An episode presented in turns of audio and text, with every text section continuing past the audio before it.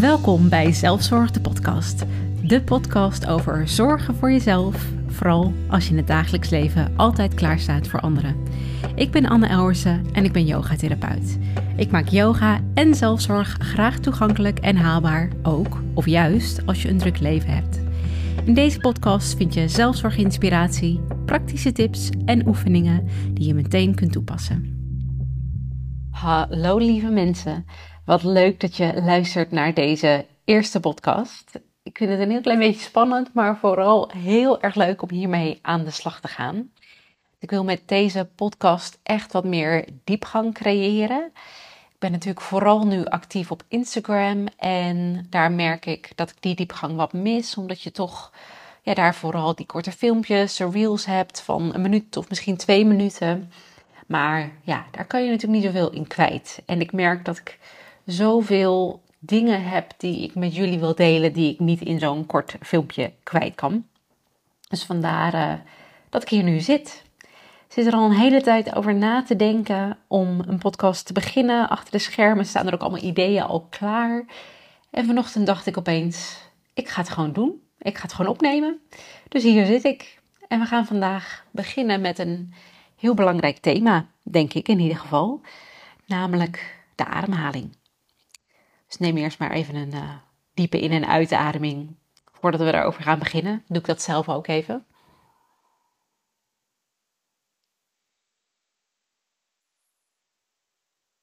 Yes. De adem is natuurlijk uh, ja, hip, zal ik maar zeggen. Met de Wim Hof methode, breathwork sessies, verbonden ademhalingssessies of ademreizen. Nou, er zijn natuurlijk verschillende namen en ook verschillende manieren eigenlijk om met de adem te werken. En de adem is ook echt een hele krachtige tool, maar er zijn ook zeker valkuilen. En ik denk dat er niet vaak genoeg stil wordt gestaan bij die valkuilen. Dus ik ga niet alleen een podcast nu opnemen over alle valkuilen die er zijn, ook over ja, de kracht van de ademhaling, maar wil jullie ook ja, bewust maken van dat de ademhaling um, of werken eigenlijk met de ademhaling niet voor iedereen even vanzelfsprekend is. En ik wil vandaag eindigen ook met een ademobservatie om ja, zelf ook bewust te worden van je ademhaling. Laten we er eigenlijk ook maar gewoon even mee beginnen. Want ik wilde jullie ook wat delen over de buikademhaling en welk effect dat heeft. Maar doe meteen gewoon maar even mee. Als dat goed voelt. Hè? Want ik ga het zo meteen hebben over valkuilen. En als je denkt, hmm, die aandacht naar mijn ademhaling brengen nu, dat voelt niet fijn. Dan hoeft het zeker niet. Je mag dit stukje ook even overslaan of doorspoelen. Maar als je het mee wil doen, mag je even je handen op je onderbuik leggen. En daar even een paar keer bewust naartoe ademen.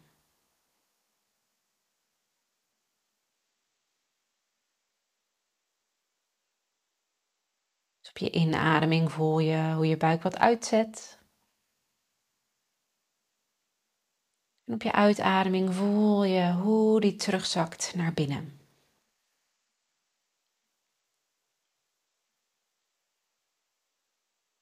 En laat die handen hier zo lang rusten als je wil. Ademen naar de buik. Rustig ademen naar de buik. Dat activeert ons parasympathisch zenuwstelsel. Misschien heb je wel eens gehoord van het sympathische en het parasympathische zenuwstelsel. Even heel um, kort door de bocht kun je zeggen dat het sympathisch zenuwstelsel vooral de fight or flight modus is, de vecht- of vluchtmodus. En het parasympathische zenuwstelsel, wat je dus nu aan het activeren bent met die buikademhaling, is de, ja, wat we ook wel eens de rest and digest modus noemen. Een, ja, een staat in ons lijf waarin uh, we beter kunnen ontspannen omdat uh, onder andere ja, de ademhaling dus langzamer wordt, maar dat beïnvloedt ook je hartslag. Dus je hartslag wordt ook langzamer. Daarmee wordt de bloeddruk ook wat lager. En um, zo naar de buik ademhalen heeft zelfs invloed op je spijsvertering. Daar staat niet iedereen uh, altijd bij stil. Maar als je naar je buik ademt, je voelt nu um, waarschijnlijk ook mee bewegen hè, op de adem, dan masseer je als het ware je organen. De organen, je darmen, je maag, die moeten ook bewegen. Als jij die buik heel erg stil of heel erg gespannen houdt de hele dag, dan krijgen die, um, die, die darmen, die spijsverteringsorganen, die krijgen gewoon niet genoeg beweging. Dus uh, het ademen naar de buik heeft zelfs invloed op je spijsvertering. Eigenlijk ook nog om een tweede reden. Dat als jij die rest and digest modus in je lijf stimuleert, dus um, rustiger ademhaalt onder andere, dan um, kan er ook meer bloedtoevoer naar je darmen toe gaan om die spijsvertering te helpen. Want in een fight or flight modus gaat die bloedtoevoer voornamelijk naar je spieren toe om je klaar te maken om te vechten of vluchten en gaat er minder aandacht eigenlijk naar je spijsvertering toe. Dus er zijn meerdere redenen waarom dit zo uh, goed voor je is. Um, voor je spijsvertering, voor je bloeddruk, voor allerlei zaken in je lijf, maar ook mentaal. Want bewust ademhalen kan je ook leren omgaan of helpen met omgaan met angst bijvoorbeeld, met stressklachten. Um, het kan je ook bepaalde ademhalingsoefeningen kun je, kunnen je ook meer, ja, meer helderheid geven, meer focus geven.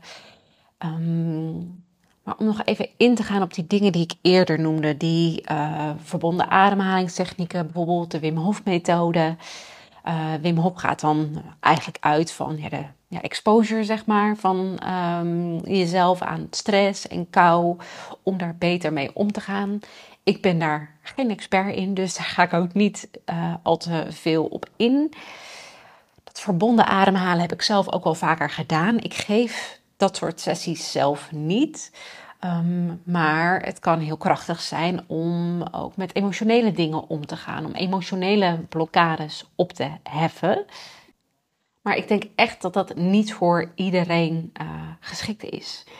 Want ik zie in mijn praktijk als yogatherapeut ook echt regelmatig dat er mensen zijn um, die de adem iets heel erg spannends vinden die uh, soms zelfs in paniek raken als ik het woord adem noem of als we um, met een oefening de adem gaan observeren bijvoorbeeld.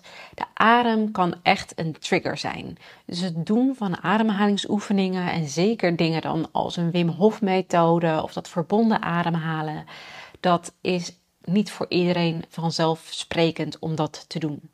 Dus heb je dat ooit gedaan en merkte je dat dat eigenlijk juist alleen maar voor stress of voor angst zorgde?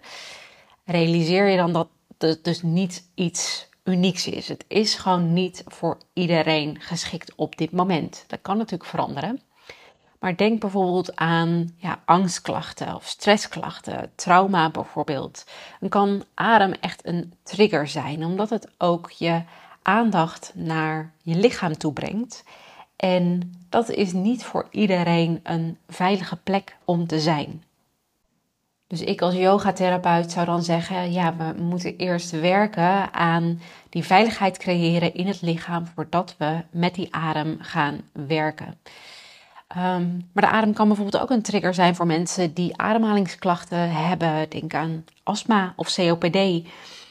En um, dat is zo ontzettend verschillend per persoon hoe mensen hierop reageren. Um, in mijn yogatherapieopleiding zei mijn docent ook regelmatig, uh, als er vragen werden gesteld, is deze ademhalingsoefening goed voor puntje, puntje, puntje? Dan was het antwoord eigenlijk altijd it depends. Het hangt ervan af. Er spelen zoveel factoren mee dat je niet zomaar kunt zeggen, uh, deze ademhalingsoefening, bijvoorbeeld Wim Hof, is goed voor iedereen. Of Wim Hof is goed voor iedereen die stress ervaart. Het hangt er vanaf um, wat er allemaal nog meer speelt. Het hangt er vanaf voor wie. En um, die adem waar je, ja, waar je rekening mee kan houden, is dat het niet alleen uh, triggers zijn zoals ik net noemde. Dus bijvoorbeeld angst of trauma of ademhalingsklachten. Maar het kan soms ook zijn dat er zoveel spanning in het lichaam zit dat de adem ja, als het ware gewoon geen kant op kan. Dat uh, mensen bijvoorbeeld zoveel intens sporten. Ehm, ik heb bijvoorbeeld met iemand gewerkt die fanatiek marathons liep en daarnaast ook nog crossfit deed. Dus heel sterk, heel gespierd was. Maar de adem, die was, uh, ja, die zag je gewoon bijna niet, omdat die spieren gewoon constant aangespannen waren. En dat noemen we ook wel frozen breathing. Dus het lichaam beweegt eigenlijk niet mee met de ademhaling. En ja, dan zal het je niet verbazen dat uh, diegene bijvoorbeeld last kreeg van hyperventilatie. Omdat er gewoon geen ruimte was voor de ademhaling. En als je zo snel gaat ademhalen, zo hoog gaat ademhalen, zorgt dat ook weer voor stress in je lijf. Omdat je lichaam denkt: ik krijg niet genoeg zuurstof binnen, dus je gaat nog harder werken. Dus het werkt beide kanten op.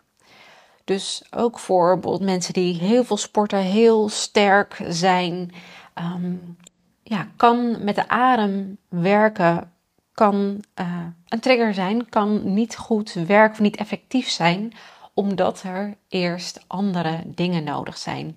Er eerst ruimte gecreëerd moet worden voor de ademhaling. En daarbij kan yoga een hele fijne tool zijn. Wat ik ook nog mee wilde geven over die ademhaling, is dat er best wel wat contra-indicaties zijn voor bepaalde ademhalingsoefeningen. Een van de dingen is bijvoorbeeld het vasthouden van de ademhaling. Ehm, dit is een van de dingen die wij vanuit yogatherapie uh, afraden voor mensen met een hoge bloeddruk bijvoorbeeld. En stel jij bent um, ademtherapeut of, en je doet dat in groepen of misschien ben je psycholoog en doe je af en toe ook een ademhalingsoefening omdat je zelf ook hebt gemerkt uh, wat het effect daarvan op je is. Realiseer je dan dat niet elke ademhalingsoefening even geschikt is voor iedereen. En met dingen als de bloeddruk, zeker als je in een groep werkt, weet je dat gewoon niet van iedereen. Je weet niet ieders uh, gezondheidsachtergrond als je in een groep, zeker als je in een grote groep werkt, uh, weet je dat niet. En daarmee wil ik niet zeggen dat um, je niet meer met de adem moet werken als jij dat doet als therapeut. Um, maar ja, dat het wel belangrijk is om een paar dingen wellicht mee te nemen daarin. Dus het realiseren dat het een trigger kan zijn voor mensen. Daarop voorbereid zijn en weten hoe daarop te reageren. Maar ook dat ademhalingsoefeningen geen must zijn. Er zijn ook andere manieren om te ontspannen als dat je doel is. Er zijn ook andere manieren om de aandacht naar het lichaam te brengen. Er zijn ook andere manieren om de, ja, de aandacht naar het hier en nu te brengen als dat je doel is met uh, het werken met de adem.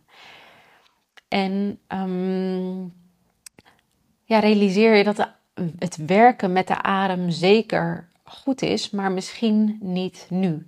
Misschien zijn er eerst andere stappen nodig om um, andere stappen nodig om te nemen. Dus bijvoorbeeld meer ruimte creëren in het lijf of meer veiligheid creëren in het lijf. En dan komt die adem um, wellicht op een later stadium, maar misschien dus niet nu. En ik wil deze eerste aflevering afsluiten met een ademhalingsoefening. En nogmaals, je hoeft hem niet mee te doen. Je mag ook de aflevering gewoon nu stopzetten. Maar als je meedoet, mag je even pen en papier erbij pakken om je observaties zo meteen op te schrijven. En we gaan eerst even een paar zachte bewegingen maken. En ook die, doe die alleen als ze goed voelen. Voel je pijn, voelt het onprettig, sla de beweging dan over of doe een andere beweging die fijn voelt. Maar beginnen eerst even met de schouders los te draaien. In de praktijk te brengen wat ik net noemde, dat ruimte creëren voor de adem.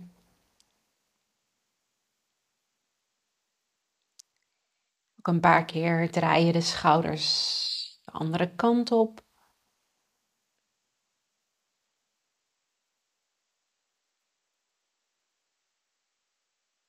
En maak dan wat zachte bewegingen voor de nek. Om en om kun je over je schouder kijken. Een grote nee-beweging.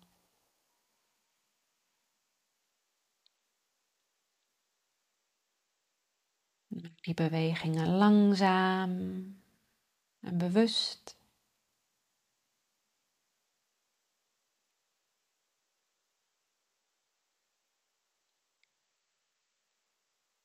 En dan mag je een paar keer ook weer de nek bewegen, maar nu je oor naar je schouder laten zakken. Dus steeds een zijwaartse beweging met je hoofd. Dit kan best een intensere beweging zijn qua spanning in de nek.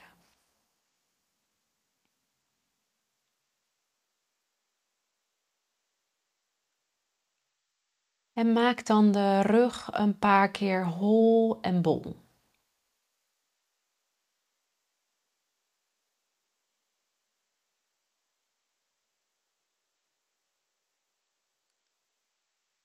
En als je zelf nog even wat meer bewegingen daaraan toe wil voegen, zet hem dan gerust op pauze en doe dat vooral. Maar wij gaan hier nu over op de ademobservatie. Dus je mag zitten, het kan eventueel ook staan. Liggend mag ook. Beïnvloedt wel weer hoe je ademhaalt.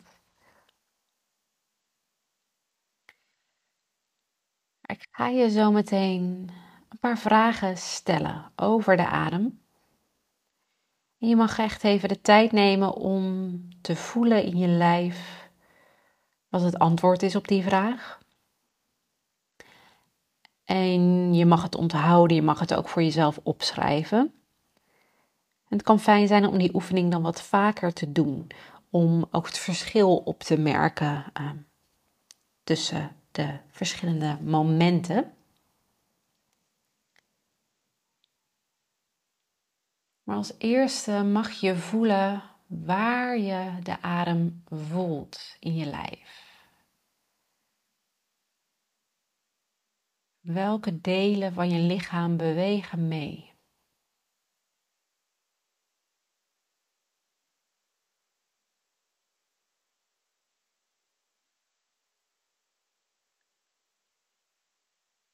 En wat is de oorsprong van je ademhaling? Waar begint de ademhaling?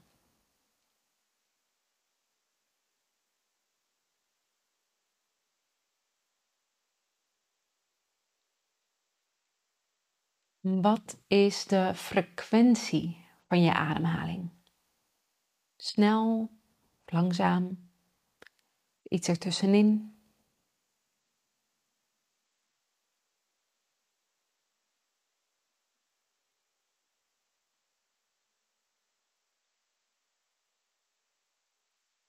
En is je ademhaling gelijkmatig?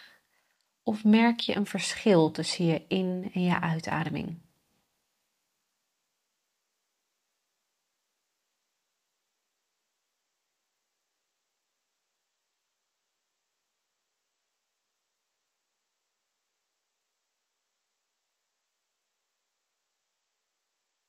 En wat is de textuur van je ademhaling? Bijvoorbeeld glad, haperend.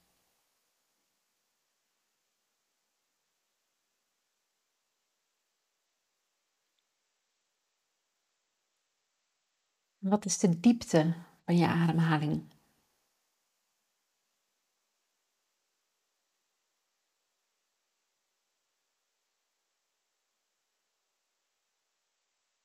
En als laatste, wat is de kwaliteit van je ademhaling. Komt er een bepaald woord op je, in je op misschien, die uh, je adem omschrijft?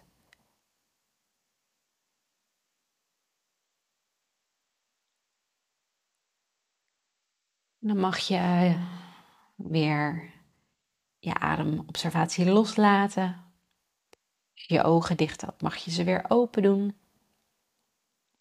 Alhoewel ik niet had benoemd dat je ze ook mag sluiten voor de oefening. Dat is voor de volgende keer. En je kan hem natuurlijk altijd even op pauze zetten en wat van je bevindingen opschrijven. Dit, uh, deze ademhalingsobservatie komt grotendeels uit uh, een boek waar ik heel uh, ja, blij mee ben, waar ik veel inspiratie uit haal. En dat is de Breathing Book van Donna Farry. Ik zal ook even de, de titel in de show notes zetten. En ja, ik denk dat dat echt een aanrader is, dat boek, uh, voor therapeuten ook. Of gewoon voor jezelf als je geïnteresseerd bent in de ademhaling.